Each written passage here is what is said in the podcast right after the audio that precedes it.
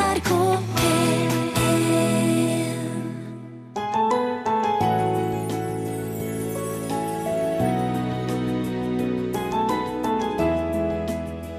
Det var mye tårer, og det var, ikke, det var litt rustent når vi sang, for å si det sånn, men, men på en god måte. For det, jeg kjenner på et eller annet vis at tårene de renser litt, hvis det går an å si det sånn. Eh, og det å få gråte sammen, at det er helt greit. Det sier kordirigenten om hvordan sangen og samholdet hjalp dem i sorgen da de mistet et kjært medlem i en trafikkulykke.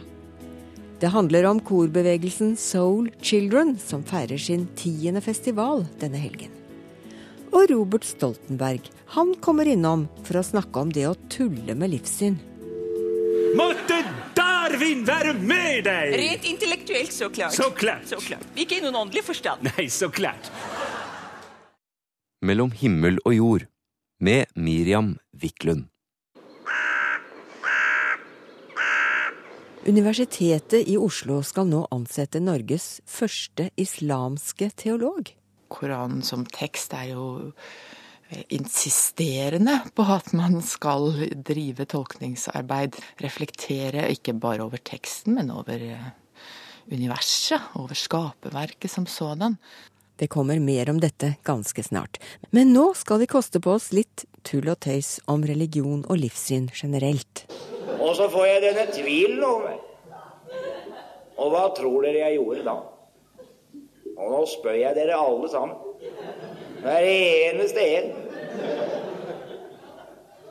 Både rik og fattig. Og snekkeren bak sin benk og slakteren bak sin lungmos.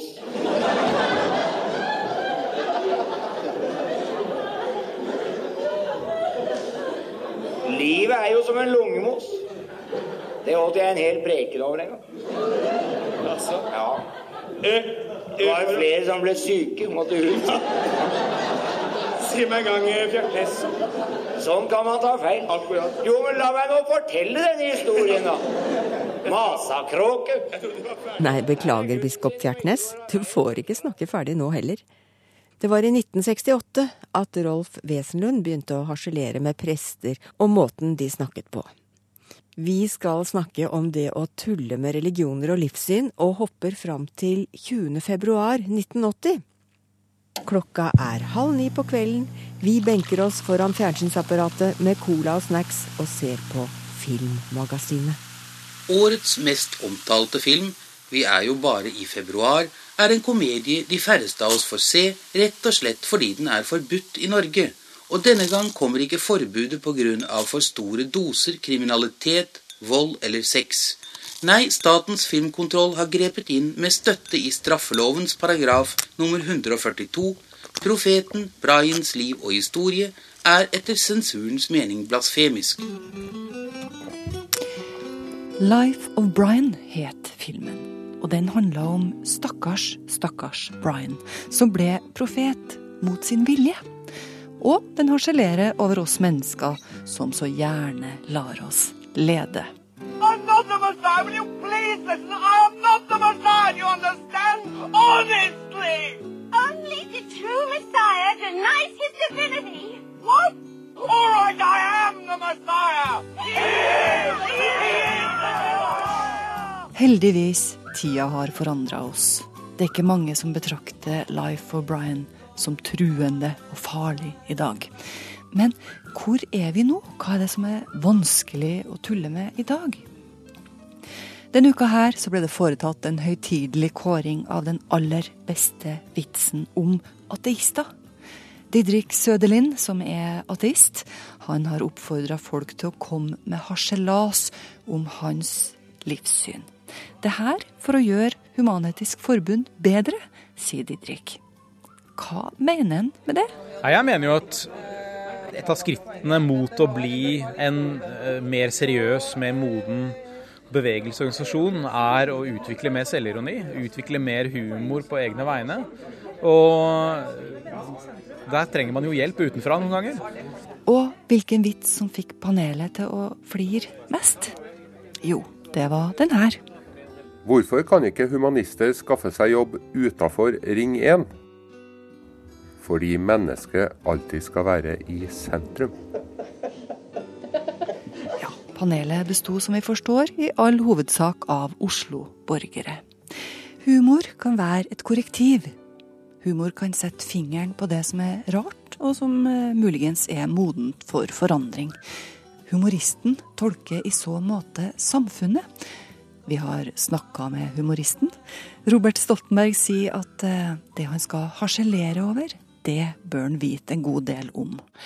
Jeg eh, var med i en del sånne kristne miljøer da jeg mm, vokste opp. Vi flyttet veldig mye rundt fra sted til sted. Mm. Og bodde en periode i Fettsund, og da var jeg med på var en del engasjert i Indremisjonen. På sånne, sånne ungdomsklubber. Og jeg syns det var veldig fascinerende, de som var predikanter, og tenkte nok at åh, det hadde vært fint å stått der oppe. Det er på en måte en forestilling. Eh, Så jeg hadde nok eh, drømmer og ambisjoner om å bli det. Robert Stoltenberg han hadde altså god kjennskap til kristne miljøer, og til predikantens stil, ikke minst. Da han eh, begynte å jobbe i Underholdningsavdelingen i NRK1, så satte han seg ned sammen med de andre manusforfatterne og laga underholdning av predikantdrømmen. Og den drømmen den hadde jeg med meg helt opp til ja, ungdomsårene, men så plutselig så bare slo det meg at Robert, du tror jo egentlig ikke på Gud. Og da brast liksom den drømmen. Det er som å utdanne seg til å bli flyvertinne, og så har du flyskrekk.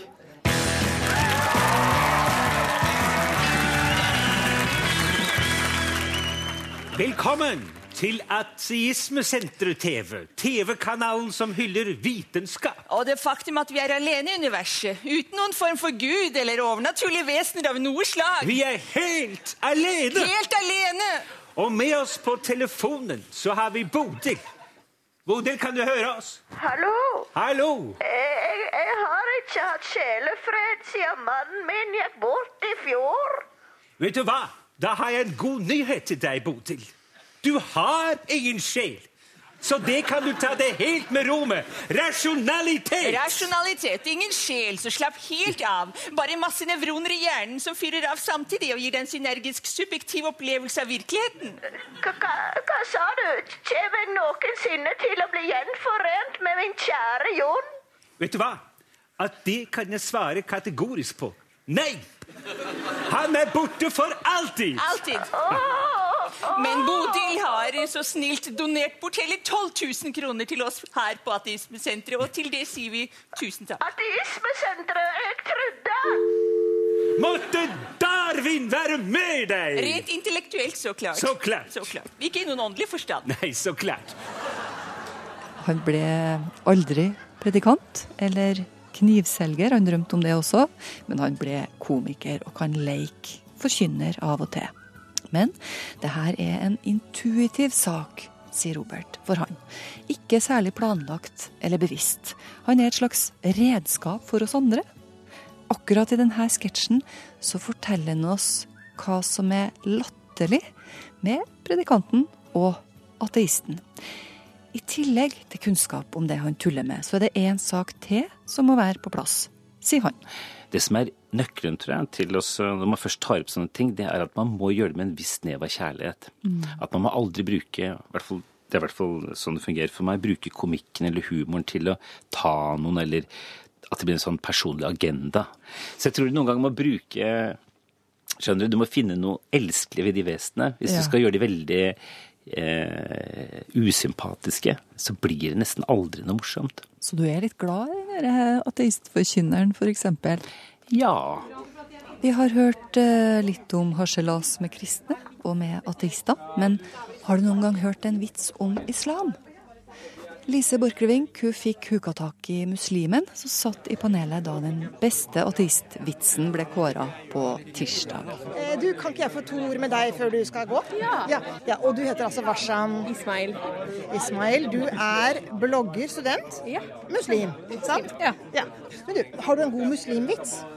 Hva ler Ikke- muslimer av? ikke på strak arm, Nei, men Hva ler muslimer av når, hvis dere skal le av dere selv? da? Jeg tror at uh, Altså, Snusfornuftige imamer og litt dumme imamer er kanskje noe man alle ler av. Eh, og mulla-vitser er nok veldig, veldig morsomme. Kan, har du ingen? Kommer du ikke på noen? Var det litt ille å komme sånn direkte? ikke på strak arm, nei. Det kan jeg ikke. Jeg mener at det er at, eh, at hvis det er at vi må tørre å tulle med religion eh, og det som virkelig er skummelt og fremmed, kan komme litt nærmere på en måte og oppleves ikke så skremmende hvis man tør å tøyse litt med det. Og jeg tror også Jesus er såpass raus at han syns det er morsomt også, når vi tør å fleipe litt både med han og, og Gud, egentlig. Ja. Hva med Mohammed, da? Ja, eh, jo da, jeg prøver jo gjennom han der imamen da, å tøyse litt, grann, Mm. men eh, vi ferdes jo i det landskapet hvor vi føler at vi er litt kjent. Mm. Um, så vi må ha noen erfaringer for å liksom holde på med det vi gjør. Da. Jeg tenker sånn Apropos imam, da jeg lagde borettslaget første gangen, så hadde vi med en norsk-pakistansk familie. Mm. Og det kom veldig mye positive reaksjoner. Men jeg var også litt sånn, u, litt sånn usikker på hvordan det kom til å bli møtt. Men uh, jeg tenkte veldig bevisst den gangen at uh, de skal også være med i en TV-serie. Er det litt sånn at vi først tar eh, islam på alvor når vi begynner å tulle med det? Mhm. Ja, det kan godt hende. Mm. Du, skal vi gjøre? Skal Ja. vi lage masse sånne islamsketsjer neste sesongen? Men vi må ha med de andre også. Vi må ha med litt hinduisme og buddhisme og ja. Men du har jo, jeg vet jo at du har hørt litt på Mellom himmel og jord. Du vet hva det er for noen ting? Mm. Hvis du skulle gjøre Liker litt... det programmet veldig godt, men jeg hører så mye på radio. Men hvis, så- hvis du ja. skulle ha gjort narr av oss, da? Hvordan har du vel ha gjort det? Hvordan høres vi ut uh, i en parodi? Skal jeg ta den parodien nå? Nei, det kan jeg ikke gjøre. Du får ikke det til, kanskje? Jo da. Ja, gjør det. Vel, parodi, ja. Men jeg er også redd for at dere tar det ille opp. Nei, vi gjør ikke det. Eh, velkommen til eh, Mellom himmel og jord. Eh, hvorfor tror noen at et blaff bare er et blaff? Kan det være noe annet enn et blaff? Kan det være et lykkerop? I dag så har vi med oss Petter Andersen, som opplevde et lykkerop. Fortell oss hvordan det arta seg første gangen. Jeg satt jo i denne gravemaskinen min. Og, og mens jeg sitter der, så plutselig er det akkurat som lysstripa treffer eh, selve vinduet. Og ikke før så kikker jeg ut av vinduet, så er det akkurat som en kommer en sky. Dultende rett inn i glasset. Hva følte du da når skya kom sånn eh, flyende rett på gravemaskinen? Hadde du noen følelse, eller var det bare Tenkte du at ja, ja, det er nå bare en sky. Uh, ja, sånn tenkte jeg først. Men så Ja, og så videre, da. Ja, det var Robert Stoltenberg som fikk satt i gang lattermusklene på Margrethe Nåvik.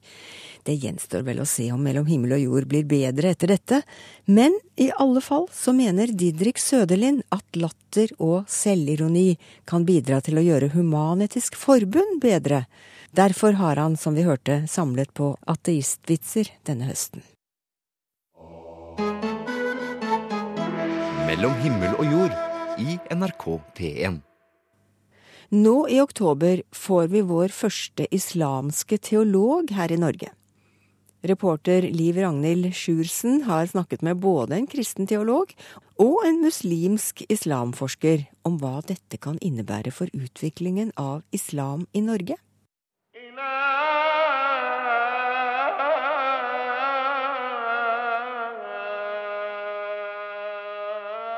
Universitetet i Oslo skal nå i oktober tilsette en ny teolog, og det innen islam. Dette blir den første islamske teologen i Norge, og jeg har tatt en prat med en av de som fikk oppretta denne stillinga. Ja, navnet mitt er Oddbjørn Leirvik. Jeg er professor i interreligiøse studier ved Det teologiske fakultet på Universitetet i Oslo. Oddbjørn Leirvik er sjøl utdanna teolog og har arbeidet som prest i 15 år før han begynte å jobbe på universitetet. Der forsker han på hvordan religioner forholder seg til hverandre, og han er den som tok initiativ til å få tilsett en islamsk teolog. Det speiler jo at islam nå har blitt den, den største religionen utenom eh, om eh, kristendommen, eh, også i, i Europa. Da er det naturlig at eh, det også gis muligheter for at den islamske teologien kan få utvikle seg i en universitetssammenheng slik den kristne teologien har kunnet gjøre det i, i mange hundre år allerede. Teologi forstår vi gjerne som lære om Gud.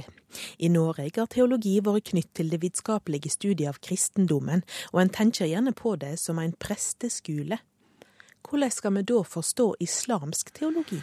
Det spesielle ved teologien er jo at den, at en kan, også kan jobbe i et innafra-perspektiv.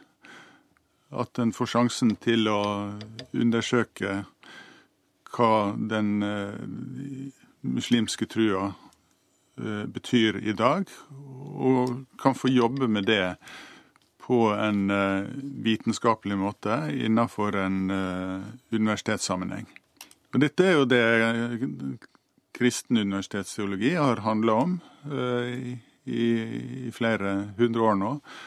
At den kristne teologien har både blitt mer kritisk og mer åpen, vil jeg si, ved å stå i en stadig samtale med de andre universitetsfagene. Og så er spørsmålet, hva skal vi med en egen islamsk teolog?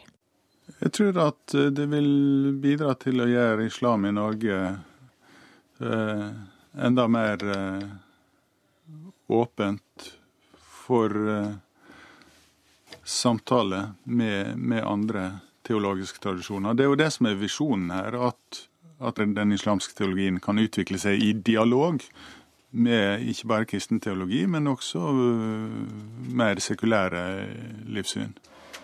Å være med på å formulere et norsk islam, kan en godt si. Dette er hvordan en kristen teolog ser på det fra innsida av Det teologiske fakultet. Men hvordan ser det ut ifra utsida? Jeg spurte en muslimsk islamforsker. Ja, jeg heter Nora S. Eggen, og jeg er arabisk filolog og islamforsker. Og jeg er nå førstelektor på Universitetet i Oslo. Og hva tenker så hun om at Norge nå får sin første islamske teolog? Ja, jeg er litt avventende. Jeg, jeg ser med spenning på hva som skal skje. Jeg har ikke noen spesielle forventninger til denne stillingen. Altså bare med eh, å, å, gå ut med en sånn eh, stilling, så har TF eh, sagt noen ting om hva de ønsker. De ønsker å ta del i en diskusjon både en akademisk diskusjon og en mer allmenn diskusjon om hva islam er, hvordan islam blir oppfattet, blir levd. Og de ønsker da tydeligvis også å være med i en diskusjon om hvordan islam skal og bør bli oppfattet, og bør bli levd. Kanskje da særlig i vår egen norske kontekst, men det vil jo allikevel også inngå i en mer sånn europeisk og kanskje til og med global diskusjon hvis man ser veldig stort på det. Men så var det det kristelige teologiomgrepet da, som åpna for kritisk tolking og refleksjon rundt trua. Er islam og Koranen òg åpen for noe slikt? Ja, absolutt. Og Koranen som tekst er jo insisterende på at man skal drive tolkningsarbeid, drive tekstarbeid. Reflektere ikke bare over teksten, men over universet, over skaperverket som sådan. Så at det ligger en, en, en prompt i koranteksten for å bedrive den type refleksjon, er, vil jeg absolutt mene. Til slutt må jeg òg spørre Nora Eggen om hun tror Norge trenger en islamsk teolog. Noe som en sånn stilling kan bidra med, det er jo å utvikle et språk, rett og slett. Det er å utvikle en måte å, å snakke om islam i en uh, norsk eller nordisk kontekst. Finne et egnet språk, diskutere begreper, hvordan man skal sjonglere og forstå og bruke ulike begreper. Og da er det jo snakk om både da begrepene som hentes fra en islamsk tradisjon, eller fra de islamske tradisjonene, får man si, men også hvordan dette skal da oversettes inn i en norsk terminologi, kanskje et norsk begrepsapparat, eller et nordisk, for å si det, for å si det sånn. Søknadsfristen er på mandag. Du skal ikke søke, du da? Ja, det vil tiden vise. OK, kult. det sa Nora S. Eggen til reporter Liv Ragnhild Sjursen.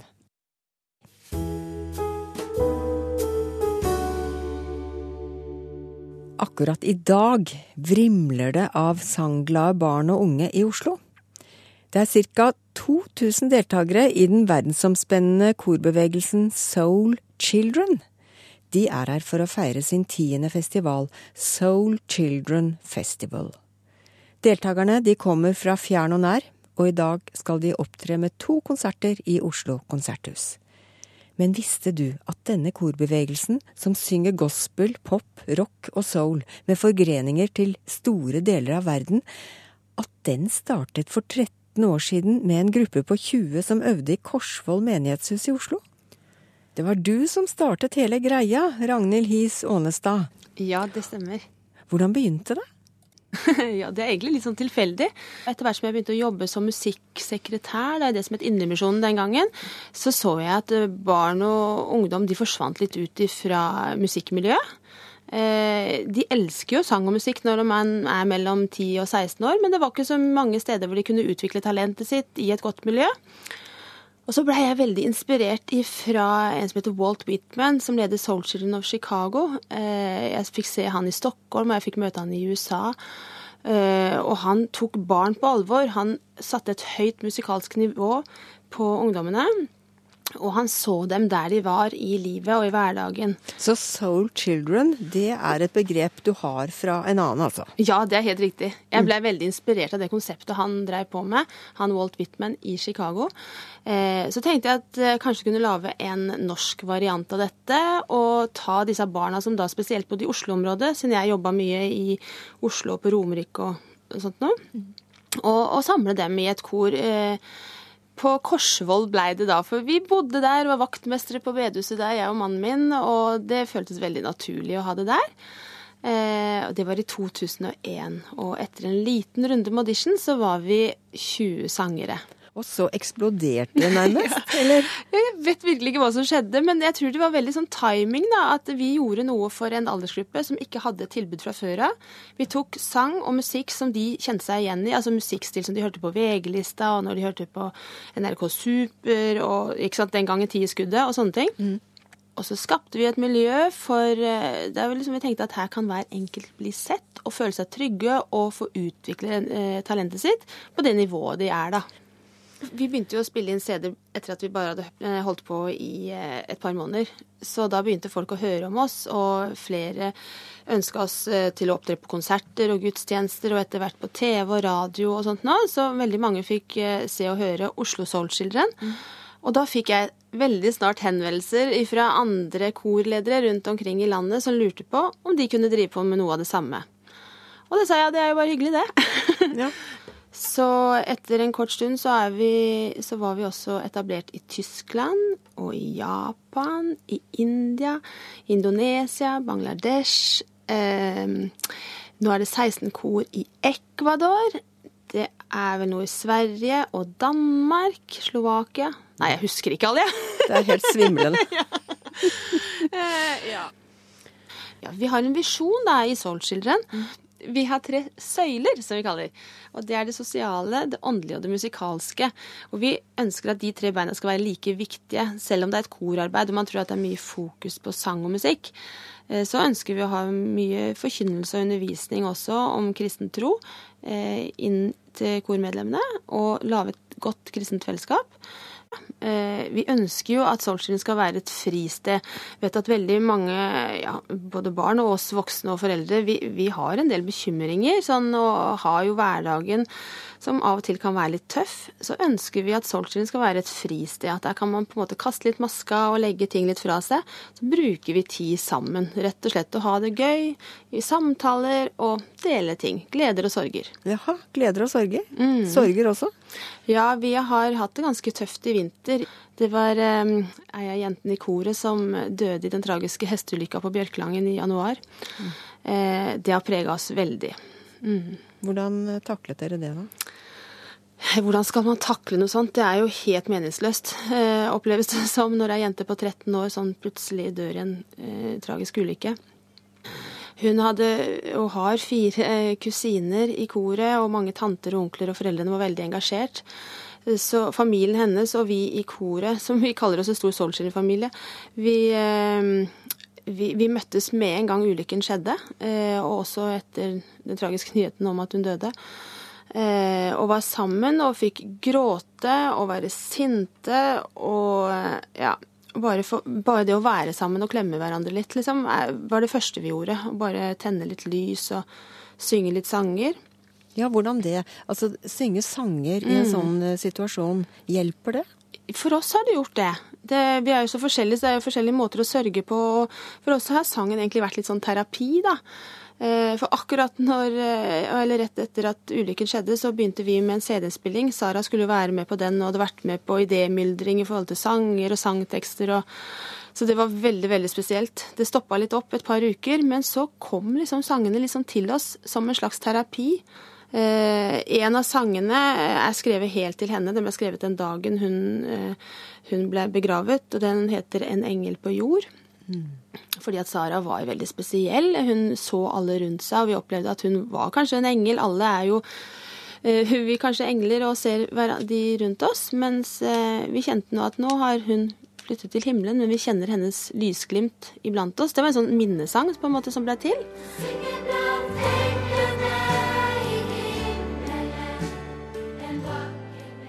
Det er Knut Bjørnar Asphol som har skrevet denne spesielle sangen til Saras minne. 'Engel på jord', som vi hører et lite utdrag fra. Men Ragnhild Hies Ånestad hun skriver også sanger for Oslo Soul Children, ved siden av at hun dirigerer koret. Ja, jeg gjør det. Jeg er veldig heldig å ha flotte samarbeidspartnere, både komponister og produsenter som jeg jobber med. Så noen ganger samarbeider jeg med dem, og ellers så kommer det bare noen ganger plutselig til meg. Eh, det var eh, For noen år siden så kjente jeg at jeg ble utfordra til å skrive en sang for TV-aksjonen eh, i forbindelse med at Blå Kors skulle samle inn penger. Den perioden så var jeg ganske bekymra og nedfor. Det var en sånn tøff periode i livet, egentlig. Jeg, var, egentlig, jeg lå en uke i senga og bare var deprimert og lei meg. Og parallelt med dette så fikk jeg telefoner og mailer fra NRK om at vi vil gjerne ha en sang fra dere i Oslo Soulskin, og at du skal være med og bidra på den. Hvorpå jeg bare sier at nei, den her må dere bare Jeg kan sende den videre til mine kollegaer, men akkurat nå greier ikke jeg dette her, og jeg kjenner ikke noe inspirasjon. Men så tror jeg kanskje da Gud hadde en annen plan, og han, eh, han kommer til meg av og til på litt sånn merkelig vis. Og jeg var rett og slett på badet hos mine svigerforeldre eh, en helg i den perioden. Hvor jeg bare plutselig kjenner at det kommer en melodi og en tekst ned til meg, hvor jeg rabler ned. Og det er jo trøstens ord, det er Gud som sier at det finnes et håp, du er bekymra, jeg ser deg, men jeg vil her gå her sammen med deg og holde deg i hånda og alltid være der. Det er et lys i tunnelen, på en måte. Det er liksom stikkorda. Og jeg rabler ned, og det blir sangen 'Hope'. Eh, som for lang historie kort blei TV-aksjonssangen i 2008. Hadde du blyant og papir klar med på badet, da? jeg hadde jo ikke det, vet du. Så det blei fort å finne noe dopapir og en penn og løpe litt sånn uh, med håndkle rundt seg ut på kjøkkenet til svigers. Det å, å rable ned sangen. Så... Ble mange tørk, da? Ja, det blei noe tørk, ja. Med vers og refreng og bro og alt som var, ja. Mm. Men du sier Gud? At ja. det var Gud som skrev dette her. Hvordan det, da? Det var jo ja, Gud. Jeg opp, ja, jeg opplever kanskje at han på en måte brukte meg litt. da. Han ville fortelle meg at han var der sammen med meg i min bekymring. og og så Samtidig så bruker han kanskje meg da, som dirigent og komponist og sånn til å skrive dette her, utvikle dette, til å, å gi en sang som kan trøste og oppmuntre andre. Det, jeg skjønner ikke helt det der. Jeg. Nei, det er jo litt vanskelig ja. å forstå. Fordi at, jeg mener, Har du en følelse av at det ikke er du som skriver? Ja, siden det bare sånn kommer sånn plutselig. Når jeg trenger det, så kommer det liksom ikke fra meg. Å nei. nei. Du tenker ikke at nå Hva skal jeg finne på nå, neste linje, liksom? Nei, for jeg var så tom at jeg hadde ikke noe sjøl å komme med. Nei. Og likevel så var det, var det noe som snakket til deg på en måte, da? Ja, det oppleves sånn. Det har jeg også opplevd flere ganger eh, etterpå, så det er veldig fint, det, altså. Og her er låta 'Hope' med Oslo Soul Children, som altså ble TV-aksjonssangen i 2008.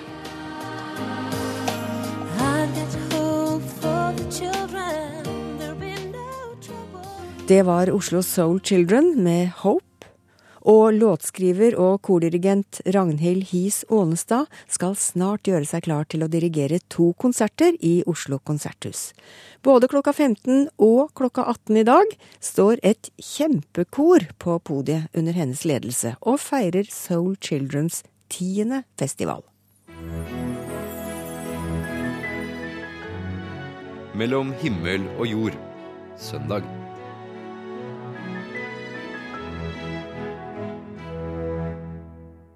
Ungdom i hovedstadsområdet har blitt mer skeptiske til religiøse uttrykk der de ferdes. Det viser en undersøkelse av 1000 unge på videregående skoler i Oslo og Akershus. Mange syns det er greit om staten kan bestemme hvilke symboler man får bruke, og hva slags religiøse aktiviteter man får drive med. Ungdommer på Oslo handelsgymnasium de tror at skepsisen skyldes at kulturforskjellene har blitt større. Og integreringen fungerer ikke helt som den skal. Og jeg tror også mange norske ungdommer føler at Norge er et kristent land. Det er tradisjonene våre, slik er det. Vi feirer jul, vi feirer påske. Og at de ser på det som truende da, når eh, fremmede religioner kommer og tar over, på en måte. da. Førsteklassingen Edvard Syse hører ikke med til dem som syns det er viktig å tone ned religiøse uttrykk. Det gjør heller ikke tredjeklassingen Sigurd Svendsen, som tror at det nye mangfoldet av kulturer kan ha gjort folk mer følsomme, og kanskje overfølsomme, for andres religioner. Hva, hva skal ha plass hvor? Eh, vi ser at enkelte tradisjoner ikke lenger kan være tradisjoner. Det var en debatt i Drammen for et par år siden hvor, det var, hvor de ikke kunne ha julefeiring og ha nisselur på skolen eh, under juletiden, for at det kunne krenke andres religioner. Og da er det da majoriteten, hvis de er eh, av en viss religion, vil eh, reagere negativt på det. Religion er heller i ferd med å bli en privatsak, tror Sigurd. Og det tror også Kristine Aksøy, som jobber med trosopplæring i Den norske kirke. Det kan jo også bli litt sånn tabu, nesten. Jeg vet ikke om vi klarer å skape nøytrale soner. For det kan se ut til at nøytralitet har blitt et ideal. Undersøkelsen forteller at rundt en tredjedel av ungdommene som er spurt, ikke synes at lærere bør bruke hijab. Rundt 40% syns ikke at elever bør få samles til bønn på skolene dersom de har lyst til det. Og drøyt 40% av ungdommene mener det er greit at staten blander seg inn når religion kommer til uttrykk i det offentlige rom.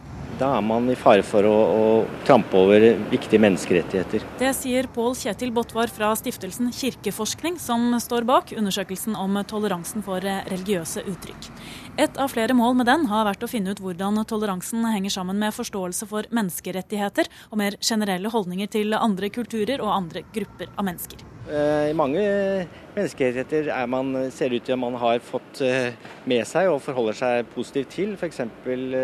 utsatte grupper som kvinner på arbeidsmarkedet, homofiles rettigheter osv. Der er man veldig støttende og positive. Men akkurat når det gjelder religion, så er man mer nølende. Elevene på Handelsgym er usikre på om det finnes en skepsis til religion i seg selv. Førsteklassingen Sofia Greve tror at vi lever godt med religion, så lenge man ikke prøver å prakke det på andre. Jeg føler at vår generasjon er kanskje mer åpen til det enn tidligere generasjoner. Eh, også med at vi er mer internasjonale og har mer forståelse. Og det overrasker både forskere og folk fra trossamfunnene at storbyungdom, som er midt i det største mangfoldet, har blitt mer skeptiske enn før. Mange forklarer det med at flere av kulturmøtene dessverre har blitt konfronterende. Ingrid Rosendorf Joyce i Oslo katolske bispedømme sier til Vårt Land at det er trist at religiøse ytringer i det offentlige skal møtes med skepsis. Både hun og Kristine Aksøy tror at usynliggjøring kan ha motsatt effekt, dersom det er forståelse man ønsker å oppnå. I et åpent samfunn så vil det være å forvente at religioner er til stede på ulike måter. I form av bygninger, i form av mennesker, i form av budskap som formidles skriftlig eller eh, muntlig. Men jeg bør kunne, kunne velge det bort. Jeg bør kunne si nei takk, eller jeg bør kunne velge å ikke gå inn i de rommene. Og jeg må kunne avvise. Aksøy mener det er viktigere at man flagger den religionen man har, selv om den er i anførselstegn feil, enn at man lar det være. Bare på den måten kan man lære hva andre står for, sier hun. Er spørrende til om fravær av informasjon er en god plattform for toleranse og respekt. Jeg tenker at kunnskap er helt nødvendig for å kunne både kjenne til sin egen identitet eh, og ha en trygg nok identitet til å kunne møte andre og forstå. Det sa Kristine Aksøy fra Den norske kirke til reporter Pernille Amdal i Her og nå i forrige uke. Hvis noe av det du har hørt har satt i gang noen tanker eller reaksjoner hos deg, ja, så blir vi glade hvis du deler dem med oss. E-postadressen er som alltid. Himmel og jord, krøllalfa, nrk.no. Og så var det alle mulighetene for å høre programmet om igjen, da. Slå på DAB-radioen i kveld klokka 21 hvis du er så heldig å ha en slik. Da kommer det i reprise på NRK P1 pluss. Men du kan også rett og slett slå på PC-en og koble deg på nettet. Adressen er radio.nrk.no. Der finner du alle utgavene av Mellom himmel og jord som er sendt i løpet av de siste tre månedene. Og hvis du er så glad i oss at du vil laste oss ned som podkast, uten musikk vel å merke, da går du inn på nrk.no podkast. Jeg heter Miriam Wiklund og lar lille Ida på tre år synge deg videre inn i radiouniverset. Ha det fint og på gjenhør neste søndag. Lappe, lappe, tussemann. Ida, Ronny og Sigrid heter vi. De er ikke her, de kommer ikke med. De reiser med en skute til Amerika.